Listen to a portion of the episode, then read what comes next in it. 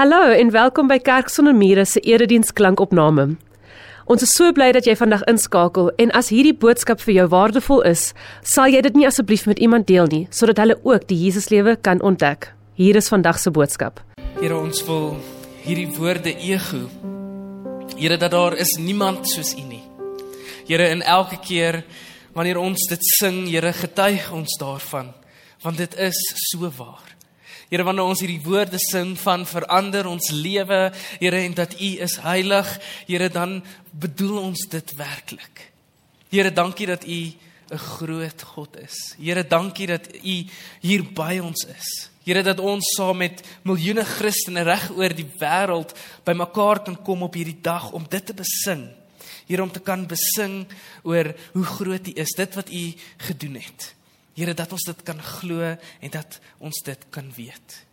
Here, dankie dat ons vanaand hier kan sit, Here, en en bietjie dieper delg in die woord en mag ons iets ontdek daar, Here.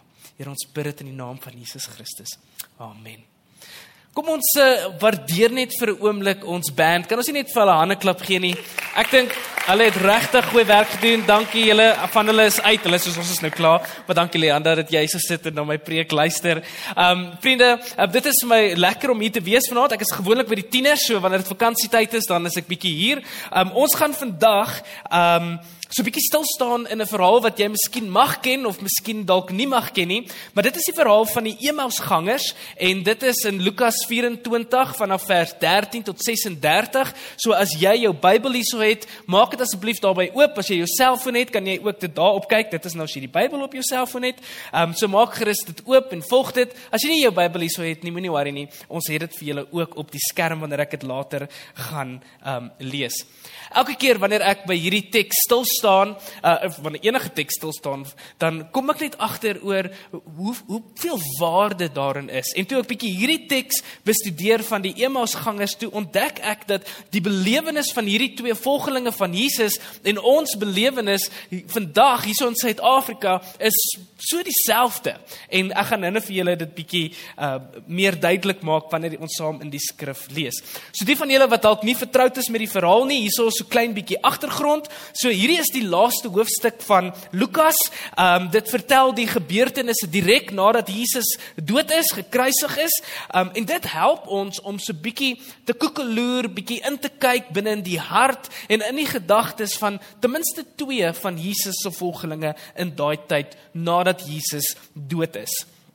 So die disippels en ander volgelinge en hierdie twee mense, hierdie twee Emmausgangers, hulle was die hele week saam met Jesus. Hulle het tyd saam met ons spandeer, hulle het hom gevolg, hy het wonderwerke gedoen. Hulle het regtig gedink hier is hierdie amazing man. Hulle het gesien hoe hy triomferend in Jerusalem instap die maandag en palmtakke is voor hom neergesit en hulle het gesê hierdie is die koning, hierdie is die ou wat ons werklik gaan kom red. Uh, hulle het gesien hoe hy die Dinsdag en hulle was saam met hom die Dinsdag toe hy die tempel skoon gemaak het. Hulle het saam met Jesus geëet. Hy het hulle het gesien hoe hy 'n klomp gedoen. Hy het vir hulle 'n klomp goeters vertel. So hulle volg vir Jesus um, en hulle is oortuig dat Jesus is anders. Jesus is anders as die ander dominees, as die ander skrifgeleerders. Jesus is anders as Johannes die Doper. Daar is iets spesiaal aan hom.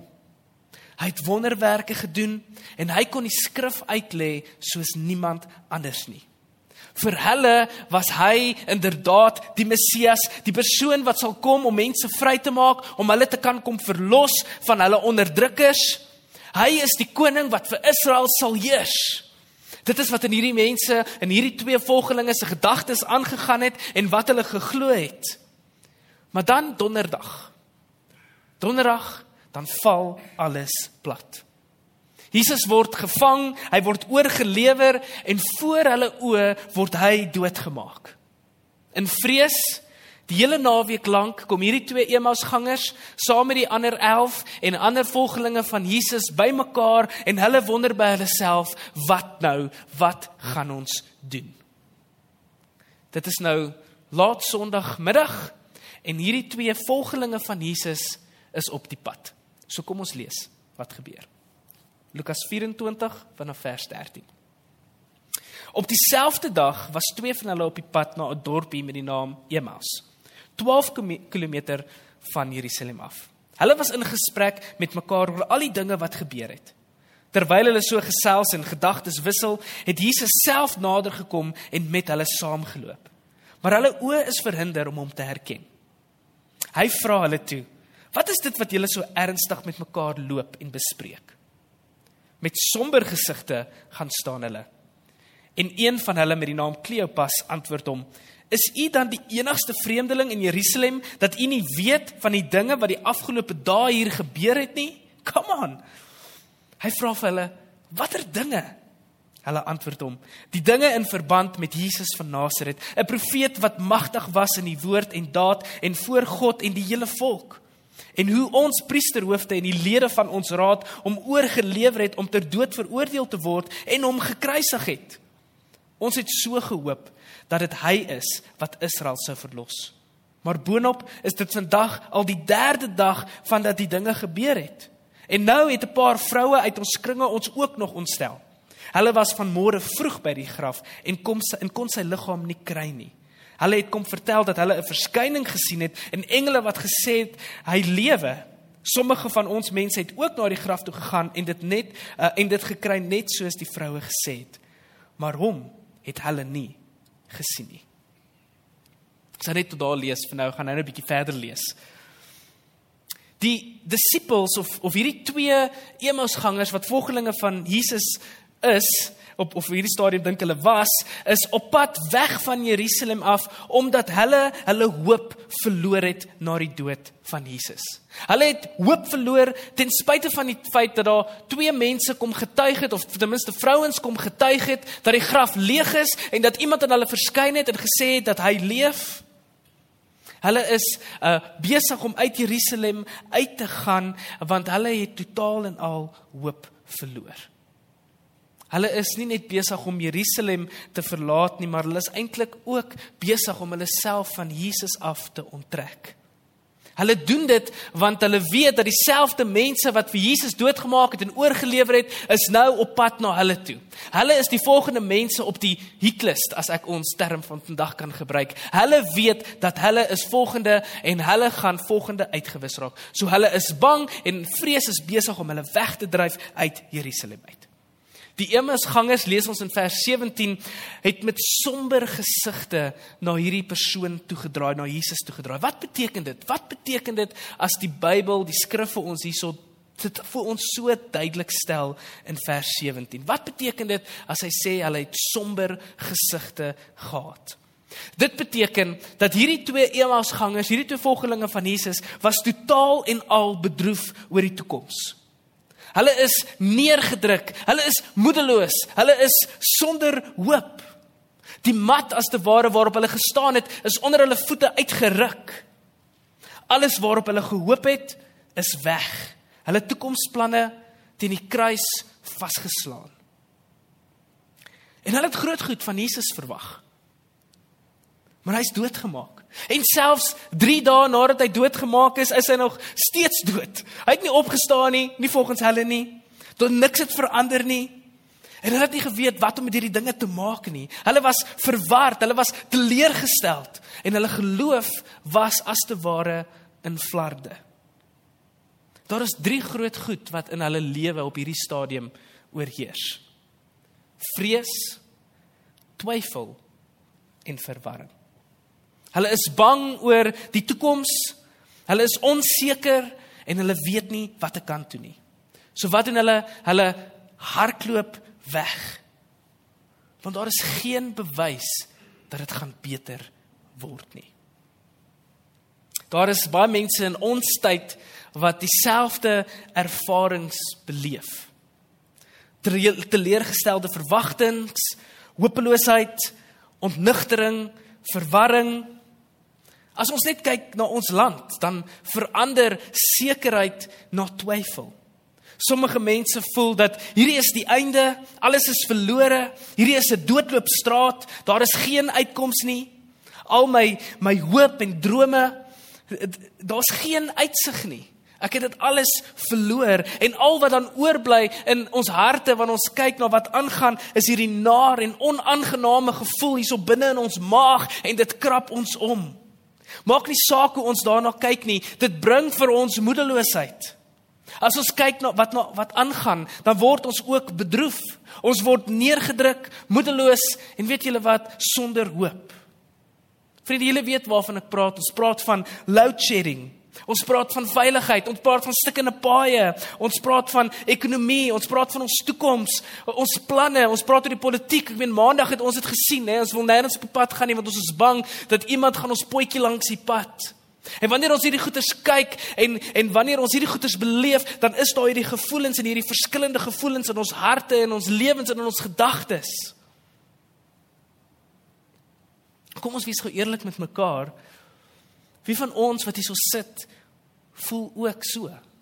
Angstig, moedeloos of dalk kwaad? Is daar van julle wat ook hier so sit? Ek sien een of twee koppe. Wow, hulle is in die minderheid. Ek dink baie van ons voel so wanneer ons na hierdie goeie kyk. En weet julle wat? Daai selfde emosies, daai selfde goed wat jy voel en beleef, geen toekomsplanne nie, geen hoop nie. Dit is presies dieselfde emosies en gevoelens wat hierdie Emmausgangers gevoel het. Hulle was mens soos ek en jy wat 'n prentjie gehad het van die toekoms en nou lyk dit anders. En wat doen ons? Baie van ons doen presies dieselfde as hierdie Emmausgangers en ons hardloop ook baie keer weg. Ons probeer om ons eie uitweg te kry. Ons maak toe en ons wil beskerm, dis oukei. Okay. Maar ons sukkel om vir God raak te sien in die situasie waarin ons onsself bevind. En net soos die Emmausgangers is baie van ons hier in Suid-Afrika bedroef, kragteloos, somber en uitgeput. Maar weet julle wat? Die verhaal stop nie daar nie. Die verhaal stop nie daar nie. Daar gebeur iets wonderbaarlik in hierdie verhaal. Jesus, al erken hulle hom nie op daardie stadium as Jesus nie, kom in die middel van hulle bedroefheid, hulle magteloosheid en hulle hulpeloosheid en hy kom sluit by hulle aan. Hy kom loop saam met hulle. Hy laat hulle nie alleen nie. Al erken hulle hom nie aanvanklik nie, al weet hulle nie dat die opgestaande Here is in hulle midde nie, hy is daar. Wat 'n geweldige troos is dit nie vir ons om te weet dat Jesus solidariteit met ons betoon nie vandag. Dat hy kom om homself by ons te voeg, dat hy kom om homself by ons aan te sluit. Dat hy vir ons daar is wanneer ons dink dat ons kan nie alleen verder gaan nie. En weet julle wat? Jesus weet wat hulle pla. Daarom vra hy vir hulle: Wat is dit wat julle so ernstig met mekaar loop en bespreek? En daarmee nooi hy hulle uit. Hy sê vir hulle: "Praat met my, vertel vir my. Vertel vir my wat is julle bekommernisse, wat is julle laste?" Hy neem die uitnodiging of hulle neem dan nou hierdie uitnodiging om hom te vertel van hulle wanhoop, van hulle teleurstelling en van hulle ontsteltenis.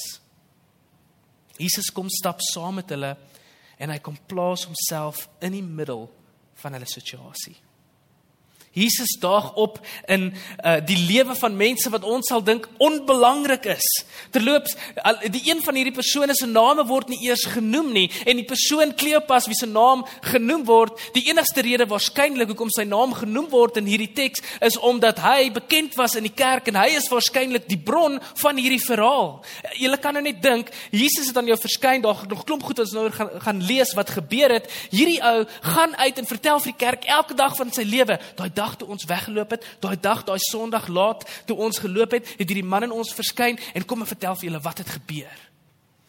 En die kerk het hom so leer ken. So Lukas skryf hierdie so wat 30 jaar na hierdie gebeurtenisse. So Kleopas is waarskynlik die bron, maar die anders die persoon al is dit sy vrou, al is dit sy vriend, ons weet nie regtig wie dit is nie. Jesus kies om na die mense toe te gaan wat in ons oë selfs in hulle oë onbelangrik is.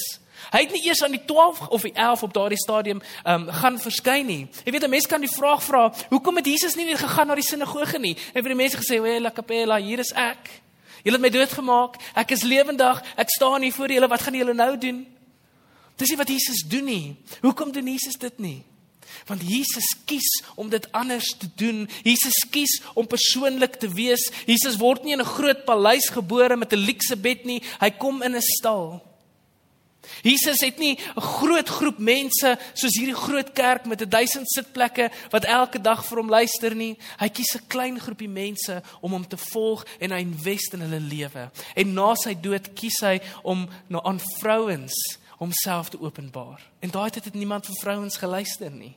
Hulle was onbelangrik. Maar Jesus kies om dit te doen want Jesus is persoonlik. Hy wil persoonlik raak, persoonlik betrokke raak en hy wil 'n verskil maak. So Jesus daag op in die middel van wat lyk van 'n hopelose situasie. Hoekom? Want van die begin af is daar 'n plan. Van die begin af het God vir hulle beloof dat hy nie sy kinders sal verlaat nie. Van die begin af het God gesê dat hy het 'n plan en hierdie dinge moes gebeur. Jesus, as ons nou 'n stukkie wat ek nog uitlaat, jy kan later gaan verder lees, dan vertel Jesus vir hulle en wanneer hulle nou hierdie hierdie reaksie het op sy vraag, dan dan's Jesus eintlik so bietjie ek het julle mos gesê, jy weet die, die Bybel het julle mos vertel dat God het 'n plan met julle. Weet julle dan nie dat daar is uitkoms? Weet julle dan nie? Het julle nie al die verhale hoe julle uit Egipte uitkom, hoe die Here vir julle brood uit die hemel uit laat val nie, hoe die Here vir julle water uit 'n rots laat uitkom nie? Al daai goeders wat gebeur het, al hierdie goeders wat getuig van God se goedheid en hoe God vir ons vir jou sal deurbring in hierdie situasie, weet jy dit dan nie? En dan begin Jesus en dan pak hy hierdie goeders uit. En hy pak dit uit in die skrif en die skrif word regtig in hulle hart geplant. So Jesus sê eintlik, weet julle wat? Dit is nie net genoeg om van die Bybel te weet of van Jesus te weet nie. Dit is nie net genoeg om hom so af en toe te volg nie. Jy moet dit glo. Jy moet glo dat hy werklik uitkomste bring en dat daar werklik hoop is. Dit is wat hy doen met hulle. En hy sê vir hulle, ek maak vir julle 'n uitweg. En dan wanneer hulle dit besef, dan gebeur daar iets. Kom ons lees verder. Vers 28 tot 36. Toe hulle by die dorpie aankom waarin hulle op pad was, het hy gemaak of hy verder begaan. Net hulle het hulle so 'n bietjie uitgetoets op hierdie stadium. Hulle het egter by hom aangedring en gesê: "Bly by ons, want dit is amper aand en die dag is al verby."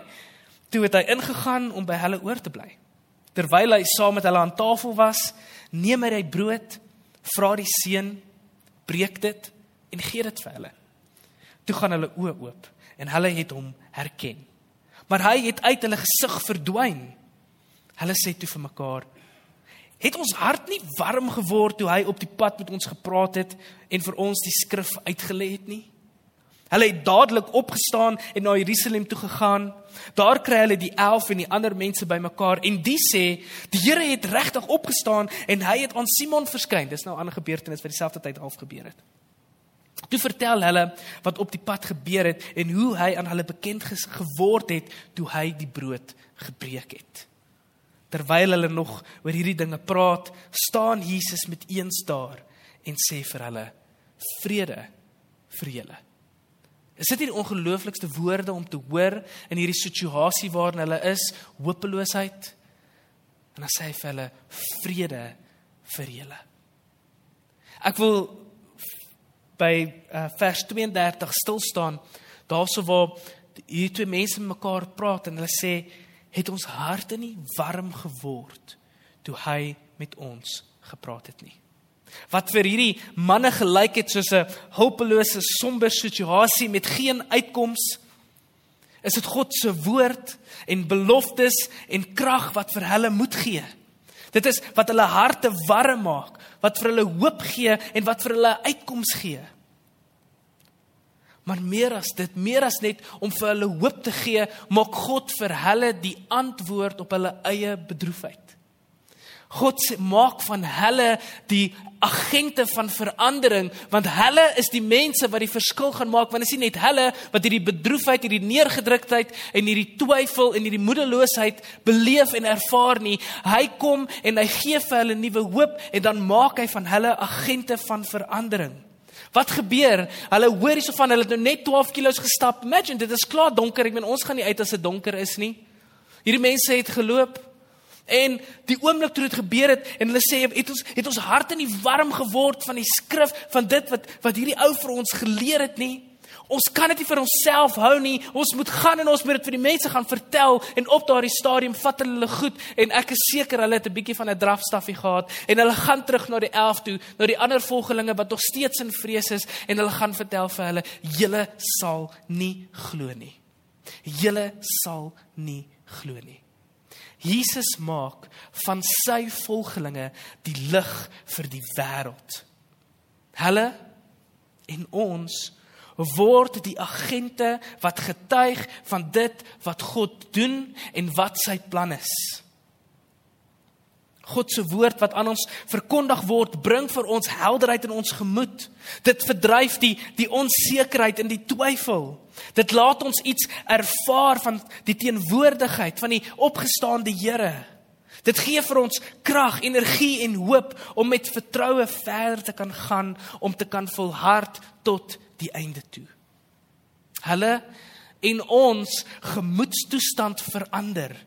Somberheid maak plek vir nuwe inspirasie wat hulle aanspoor en energie gee om dadelik na Jerusalem terug te gaan en die boodskap van die opstanding aan mense te gaan vertel.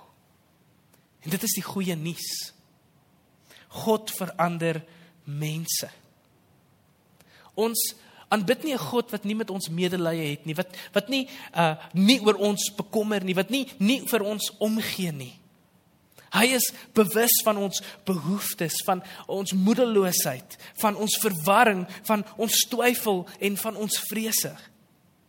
Dit wat ons persoonlik ervaar as as gesin en en dalk as kerk en, en in hierdie land. Hy gee vir ons uitkomste.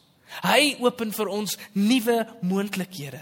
Hy bevry ons om tot nuwe hoop, geloof en daadkrag. Ek wil dit eintlik sê vriende, ons wat hier sit, ons as kerk is die antwoord en die lig vir die donker Suid-Afrika rondom ons. Jesus wat deur ons lig wys vir die wêreld. Ek het afgekom en ek maak hiermee klaar op ehm, 'n um, verwerking van Psalm 121. Die bekende Psalm wat sê ek ek kyk op na die berge waarvandaan kom my hulp. En ek dink dit pas so mooi hierin en ek wil dit graag vir julle lees. Uh, dit is 'n uh, professor Kritsinge wat geskryf het oorspronklik in Engels, maar ons het dit in Afrikaans. En dit lees die volgende: sê Ek slaan my oë op na die berge. Na die hoë plekke hier rondom Pretoria. Waarvandaan sal daar vir my hulp kom? Kom my hulp van myntjieskop van die Unie geboue, die simbool van politieke mag? Nee. Ons hulp kom van die Here wat hemel en aarde gemaak het. Kom my hulp van monumentkoppie van die voortrekker monument simbool van die politieke mag van die verlede? Nee, ons hulp kom van die Here wat hemel en aarde gemaak het. Kom my hulp van die hoë gebou van die Reservebank, simbool van ekonomiese mag. Nee, my ons hulp kom van die Here wat hemel en aarde gemaak het. Kom my hulp van Nakkelneet Rand van die groot geboue van Unisa of die hoë geboue van die Universiteit van Pretoria, simbole van intellektuele mag. Nee, ons hulp kom van die Here wat hemel en aarde gemaak het. Ek slaan my oë op na die berge, na die hoë plekke hier rondom Pretoria. Waarvandaan sal daar vir my hulp kom? Ons hulp kom van die Here wat hemel en aarde gemaak het. Wat dieselfde bly gister, vandag en tot in alle ewigheid. Amen. Kom ons bid saam. Hemelse Vader, Mag hierdie ons kreet wees. Here in 'n tyd waar moedeloosheid, vrees, twyfel en verwarring soms ons lewens oorneem, Here waar ons net hier uit wil gaan en na 'n ander land toe wil trek. Here waar ons net sien daar sou is geen toekoms vir ons nie. Ons weet nie meer wat om te doen nie. Dit is net donker. Here mag hierdie ons kreet wees. Here mag ons ons ber, ons oë opkyk na U toe. Here nie na die instansies nie, nie oor ander mense nie, Vader, maar mag ons ons oë op U sit. Here die een wat aarde gemaak het en die hemel gemaak het en en ons gemaak het en ons baie diep van binne af ken. Here, U is nie blind vir die goed waardeur ons gaan nie. U weet dit. U ken dit. En U is self deur moeilike tye. Here, dankie dat ons met hierdie teks iets kan beleef van hoe U uitkoms bring vir u kinders. Here waar u nuwe hoop bring wanneer ons letterlik so oorweldig is dat ons weghol. Here dan is u die een wat die pad vir ons wys. Here dan is u die lig in die donker. Here in my gebed is dat wanneer ons by hierdie deure uitstap Here dat ons net gaan sê, mm, nee, nou dit was nice nie, maar dat ons die lig sal wees. Here dat ons soos Kleopas vir die res van sy lewe die kerk gaan vertel. Daai dag, daai dag, daai dag dat ek die Here gesien. Daai dag ek weet hy leef en hy het my hoop herstel. Here, dankie vir u goedheid. Here, dankie dat ons die skrif het om om dit te kan ontdek. Here, ek bid vir elkeen van ons wat hier so sit vanaand, Here. Mag ons ons moedeloosheid, vrees, angs, Here by u voete los wanneer ons by hierdie deur uitstap. Here, ons bid dit in die naam van Jesus Christus. Amen.